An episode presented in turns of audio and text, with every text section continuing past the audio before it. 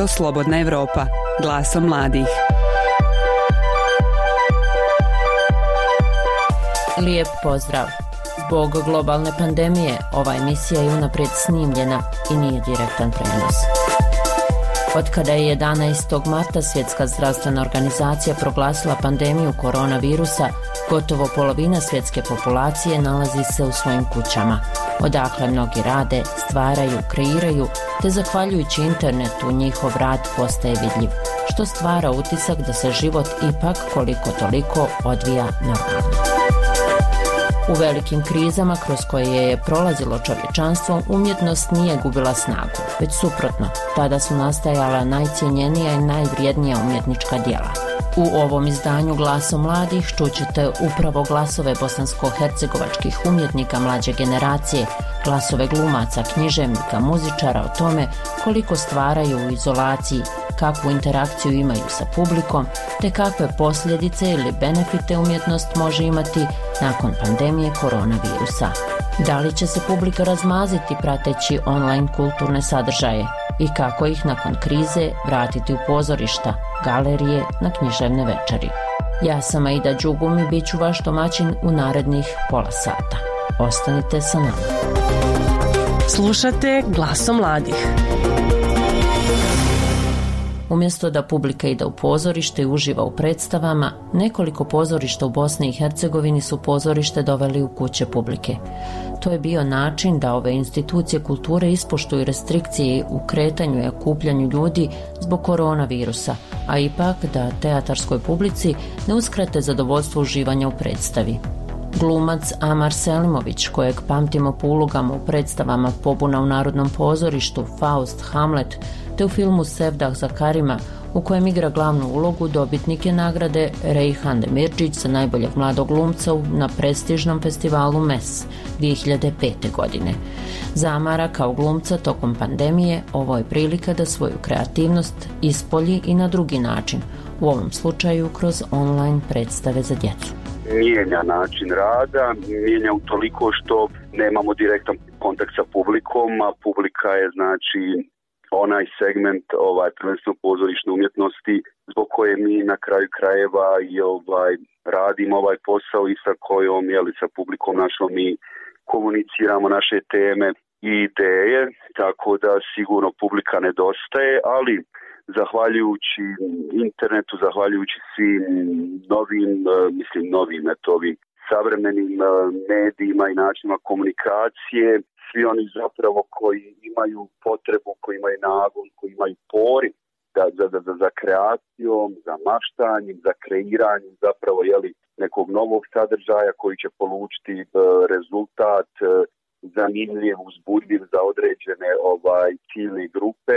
Naravno da, da, da, ima mogućnost, da ima prostora i sada jel, imamo i vremena da, da to i radimo. Tako da, ova, eto, mi smo pokrenuli nas nekoliko, formirali smo znači, taj takozvani autorski tim, pokrenuli smo tu platformu online koja je za sada bazirana prvenstveno na bajkama, znači na ovaj takozvanom filmovanju bajke ili ovaj stvaranju određenog mozaika ili ovaj kolaža kroz ovaj igranu formu. Tako da mislim sve te informacije, svi oni, znači mi smo tamo naveli da je to ovaj prvenstveno e, za djecu, ali nije primarno za djecu. Znači ne mora ne mora biti neko roditelj da imati djecu da bi mogao pristupiti ovome. To može da bude bilo ko ko želi, ko ima volju, ko se osjeća da, da je inspiriran, ko se osjeća da je kreativan, da je maštovit i ko ima potrebu da komunicira kroz tu vrstu forme, kroz tu vrstu sadržaja, kroz tu vrstu medija. Sve te informacije koje su ovaj neophodne, sve te smjernice koje su dobrodošle da bi se što kvalitetnije, prvenstveno ovaj, vizualno i auditivno, tako, da, tako kažem, isproducirao taj sadržaj, mogu se naći na Facebook page na YouTube kanalu i na Instagram profilu pod nazivom Otvori prozorište.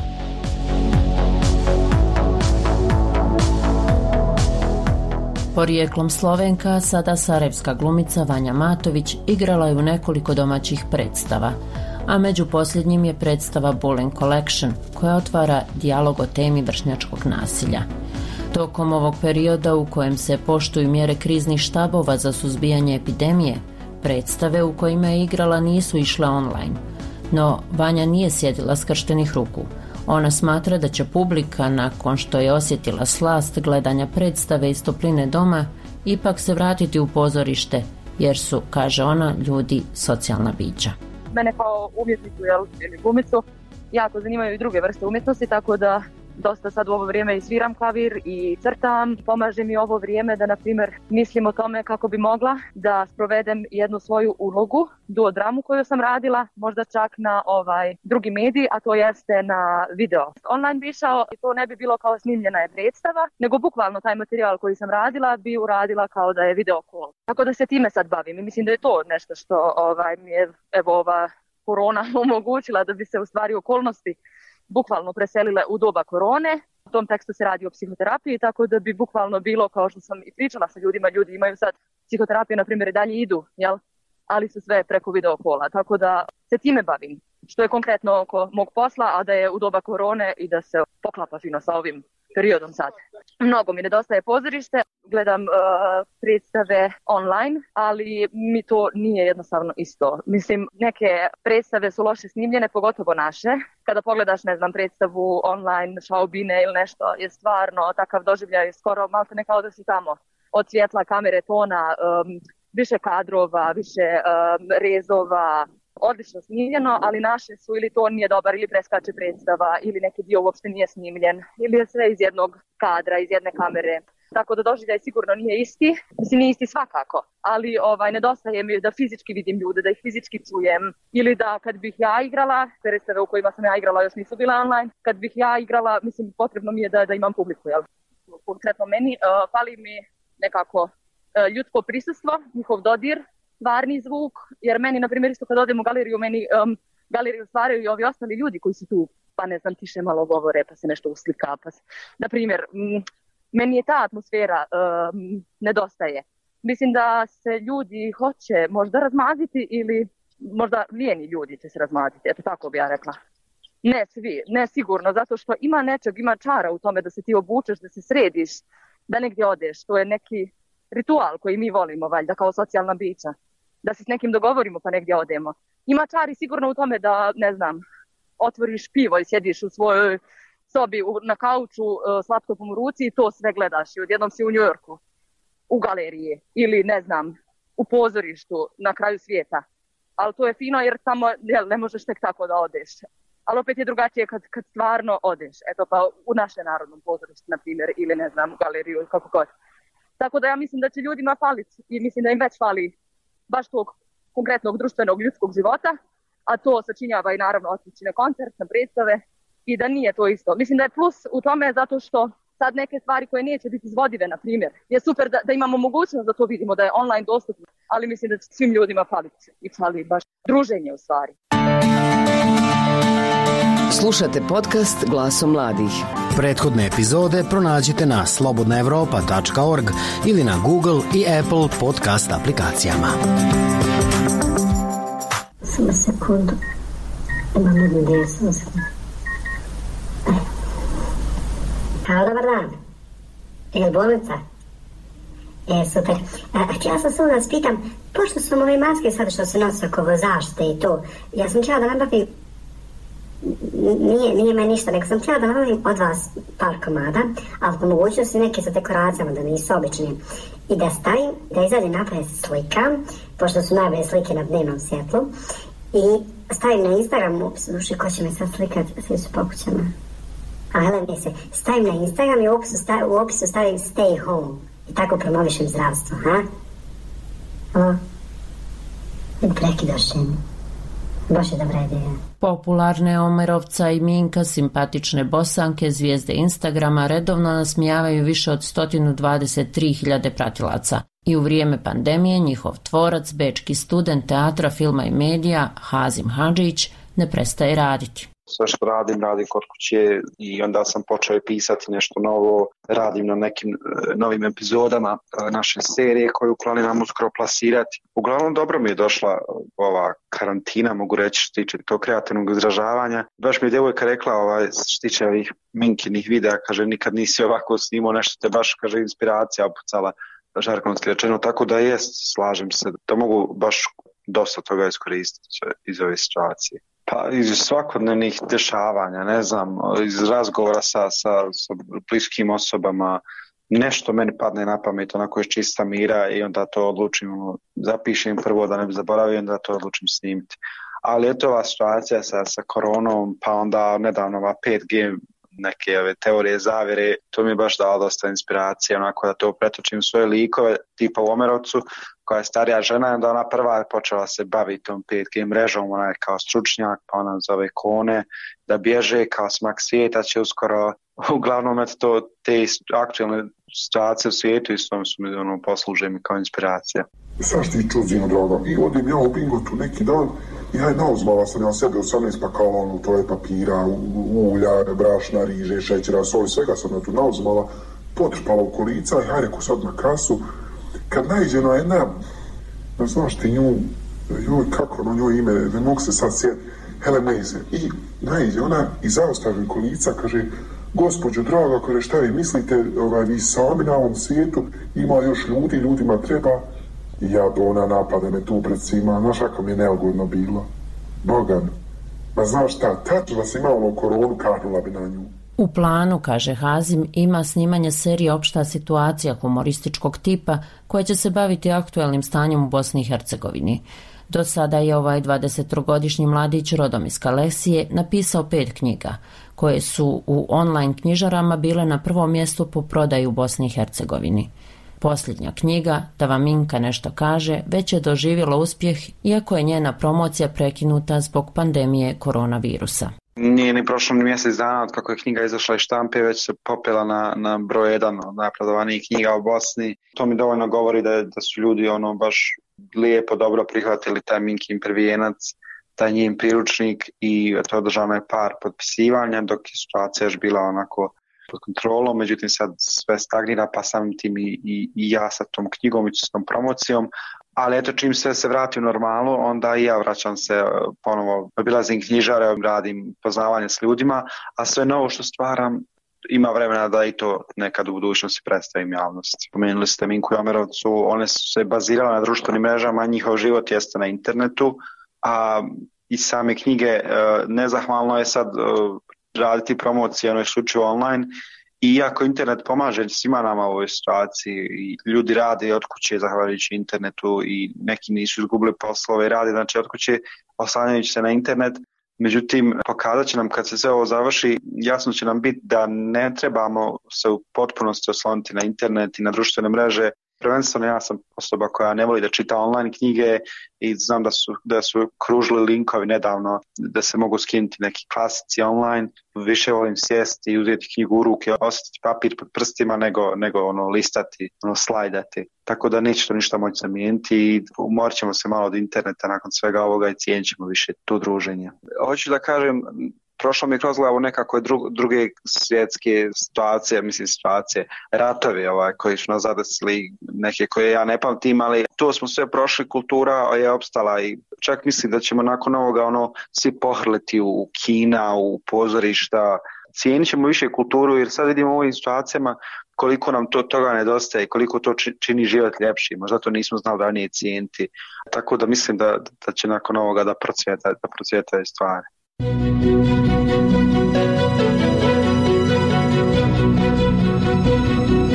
Slušate podcast Glaso mladih. Prethodne epizode pronađite na slobodnaevropa.org ili na Google i Apple podcast aplikacijama.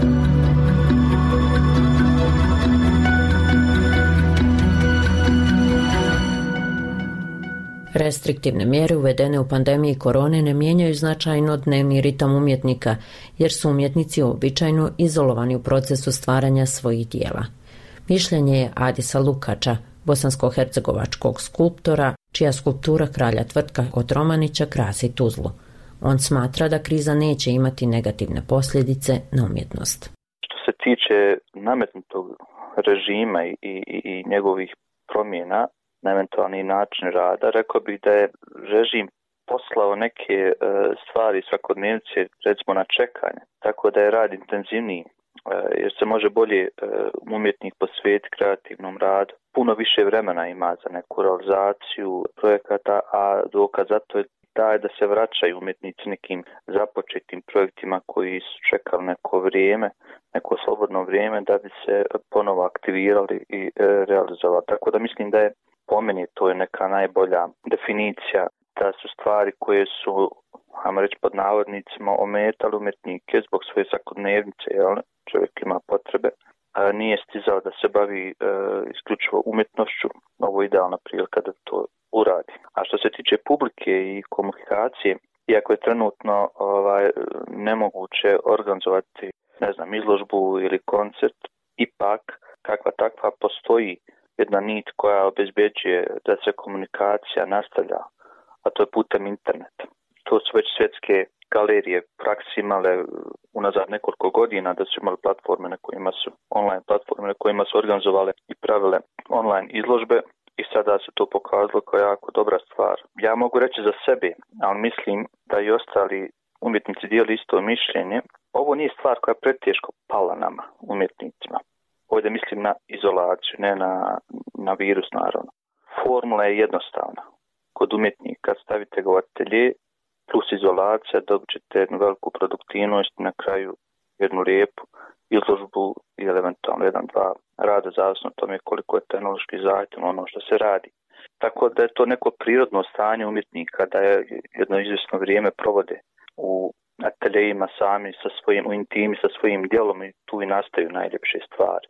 I to je u, u suštini jedini dio koji ostaje u mraku odnos umjetnik djelo, dok jedini poznati e, odnos posmatrač jeste posmatrač djelo, ali ono što ostaje u, skriveno iza vela jeste ovaj, to što umjetnik prolazi dok dođe do jel, željene slike ili skulpture. I to je sasvim normalno stanje, ovaj, tako da mislim da će svi umjetnici iskoristiti, ovaj, da će nakon ove korone, da će jako puno fini realizacija projekata biti u smislu i likovne, muzičke, filmske, dramske umjetnosti. A sada je se pokazalo vrlo korisnim, podcrtala se ta linija korist interneta i online platforme. Definitivno je da će se desiti promjene na globalnom nivou, ali kao vječni optimista vjerujem da će to biti poprilično dobre promjene, bar se nadam. Nije ovo prvi put da je sistem ljudi zastao, ali ne i svijet i život. Ono kako ja gledam na ova dešavanja jeste, mislim da je sistem koji je čovjek uspostavio, sistem vrijednosti, kao jedna slika puzli, ali je bio posložen loše, pa je slika bila ne tako prijatna. Korona je protresla to polje puzli i mi trebamo sada, dakle imamo neku priliku da pažljivo ponovo i bolje posložimo i pametnije da bismo dobili što ljepšu sliku prvo od čega se treba početi, a to nam je data šansa jer smo sada zatvoreni u nekoj izolaciji, da prvo sami sa sobom svoj mikrosvijet raščistimo, da se pročistimo, da shvatimo šta želimo, kuda idemo i onda što bude više tih pročišćenih mikrosvjetova, počet će se uvezivati u jedan. Mislim da možemo napraviti jednu lijepu priču nakon ovoga da se krene u nešto puno bolje i dosta nam je zgleda, dosta je loših stvari. Možda je previše optimistično, ali ja ne želim pesimizmu da dajem prostora u mom životu, tako da to je moja neka možda i poruka da se nadam da će stvari za sve nas biti puno bolje u budućnosti.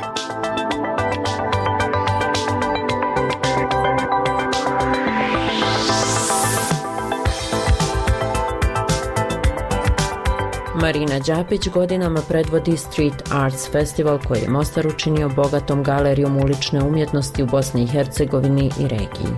Već osam godina kroz ovaj festival oplemenjuje se javni prostor, oslikavaju napuštene zgrade i ruševine. Kako će Street Arts Festival izgledati ove godine zbog pandemije, objasnila je Marina za podcast Radija Slobodna Evropa. Naš tim trenutno radi na razvijanju strategija za realizaciju ovogodišnjih umjetničkih intervencija u javnom prostoru. Dakle, naše aktivnosti e, ne mogu biti online i mi ćemo dati sve od sebe da uspijemo organizirati e, ovogodišnje izdanje Street Arts Festival u Mostaru u devetom mjesecu s obzirom da nije riječ e, o masovnim okupljanjima i da ćemo biti fokusirani isključivo na oslikavanje murala. Možda to neće biti onako kao što smo prvobitno zamislili i nismo sigurni s obzirom na ovu cijelu situaciju da li će biti dozvoljena putovanja i slično. Međutim, planirano je da nam dolaze umjetnici iz Poljske, Španjolske, Italije, Ekvadora, Istambula, Njemačke i slično. Ali ako to ne bude moguće, naravno uvijek radimo i sa lokalnim umjetnicima i sa umjetnicima iz drugih gradova iz Bosne i Hercegovine. Nadamo se da ćemo onda zajedno sa njima ostvariti neke neke nove umjetničke priče na našim ulicama. Mi smo počeli planiranje za ovogodišnji festival još kada je završio i prošlogodišnji festival. Dakle, ulaže se jako puno vremena i energije, truda i rada da bi se uspjelo sve kvalitetno realizirati i pošto je naš festival specifičan, dakle, okuplja zaista lijep broj umjetnika i dolaze ljudi iz cijeloga svijeta, ipak to nije neko e, veliko masovno okupljanje i nadamo se da ćemo moći realizirati barem jedan dio e, plana i programa kojeg smo zamislili, a ukoliko to ne bude moguće, onda ćemo definitivno planirati 2021. godinu kada će biti zapravo i 10 godina od održavanja prvog Street Arts festivala. Na neki način slavili jedan deseti rođendan. Što se tiče generalno umjetnosti i kulture u, u Bosni i Hercegovini znamo da ona nije na zavidnom nivou što se tiče financiranja, što se tiče da se njena vrijednost na pravi način prepoznaje.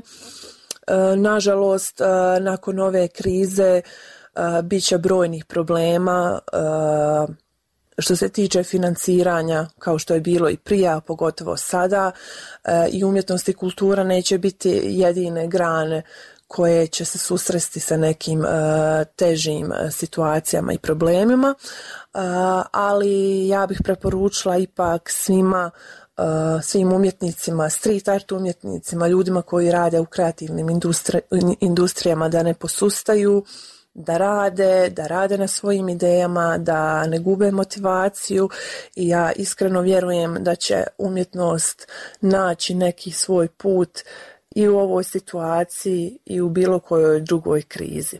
Pogotovo nam je jasno sada svima koliko umjetnost doprinosi e, ljudima evo i u ovim momentima kada smo u karanteni, kada smo zatvoreni, koliko nam donese radosti u život i prije naravno toga, a pogotovo sada i definitivno ne treba zaboraviti koliko je ona nama važna u životu. Slušate glasom mladih. Bože daj vatrenu iskrenu i da voli, a da ne bude mi utjeha to što sirenu morska proguta Dino Šaran, bosansko-hercegovački tekstopisac, gitarista i pjevač benda Letu Štuke ne vidi lošu stranu izolacije, jer, kako kaže, izolacija mu prija jer stvara. Smatra da se čovjek tada okreće sam sebi i svom biću, što je dobro kako bi se sve smjestilo tamo gdje treba. Publika će se vratiti na koncerte uživo jer kaže da muzičari ne mogu živjeti od online svirki. Što se isto vrate dobro i zlo Radi neke nove pjesme, vidit ćemo, imam jednu koja ima veze s ovim, baš koronom, onako, ali šaljivog je karaktera, nije neka pretencijurna. Tako da ću raditi, sad ovo dalje što radim, ja radim po tako da nemam nikakvi, nemam nikakvu agenciju, kako bi rekao.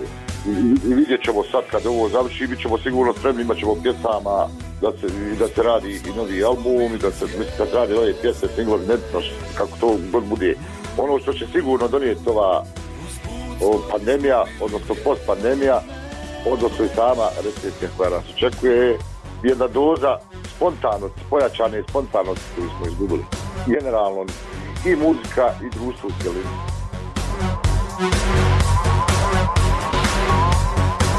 Spektar opcija je uži nego ikad da ću napraviti neku sviđu online, ali ne bi za sad jer vidimo da, da svi, svi to radi, svi to listom radi, ali ne mislim da će to čak i da pandemija potraje, da će to potraje, sad te neke online svirke. Pa zato što, mislim, hajde nek nam neko online dostavi gdje, hajde da mi online, ono, nešto struja, mislim, živi se od muzike. Ne možemo mi živjeti od online svirki. Nema šansi. Muzičar žive od svirki, ne može, mislim, možemo mi počati publiku, ali ne može to potrajati. Većina radi stvar sa maticom iza, tako da faktički radi neki polu playback da bi to zvučalo što bolje u ovakvim uslovima, kad je, ipak to nisu optimalni uslovi za, za rad blizu. Tako da, ovaj, mislim da će to, to je trend, to će trajati jedno vrijeme i mislim da će prestati, da će morat prestati mjere, morat ćemo se vratiti normalnom životu, a nažalost kultura i muzika sama su ovaj, osigurač koji prvi iskoči kad dođe kriza, a zadnje ga vraćaju i mijenjaju. Tako da ćemo se načekati mislim, malo do, prvo dok se dozvoli ta okupljanja, da bi vidjet ćemo šta će biti. Svaka pošast ima svoj kraj. Mislim, vi neće se razmazati zato što neće toga biti. Jedino pod uslovom da svaki izvođač nađe dobrog sponzora, odavda tu plaćaju neki sponzori, ali mislim da to ne mogu svi. Biće interesantno u svakom slučaju ovo što će uslijediti. Više će se pažnje obratiti u samoj samu kreaciju nego na produkciju i zvuk. Zato što će silom prilika kompletna produkcija morat pojeftiniti zbog uslova u kojima smo se našli. Da neće svi biti stanj, nema svak luksuzni studio, nema svako uslove da snimi spot, nema svako, većina zapravo nema. To, velika većina. Tako da ćemo morat se prilagoditi novim uslovima i malo smanjiti ribu u smislu razmaženosti te produkcijske očekivanja nekih, a, a više se okrenuti ka samoj kreaciji i onome što je zapravo primarno u čovjeku. Ono, o, o, osnovni, malo se okrenuti na osnovni paket. Jer uvijek čovjek uvijek želi više nego što mu treba, mislim, na ovog puta, to nas je rat naučio, na, na neku mjeru.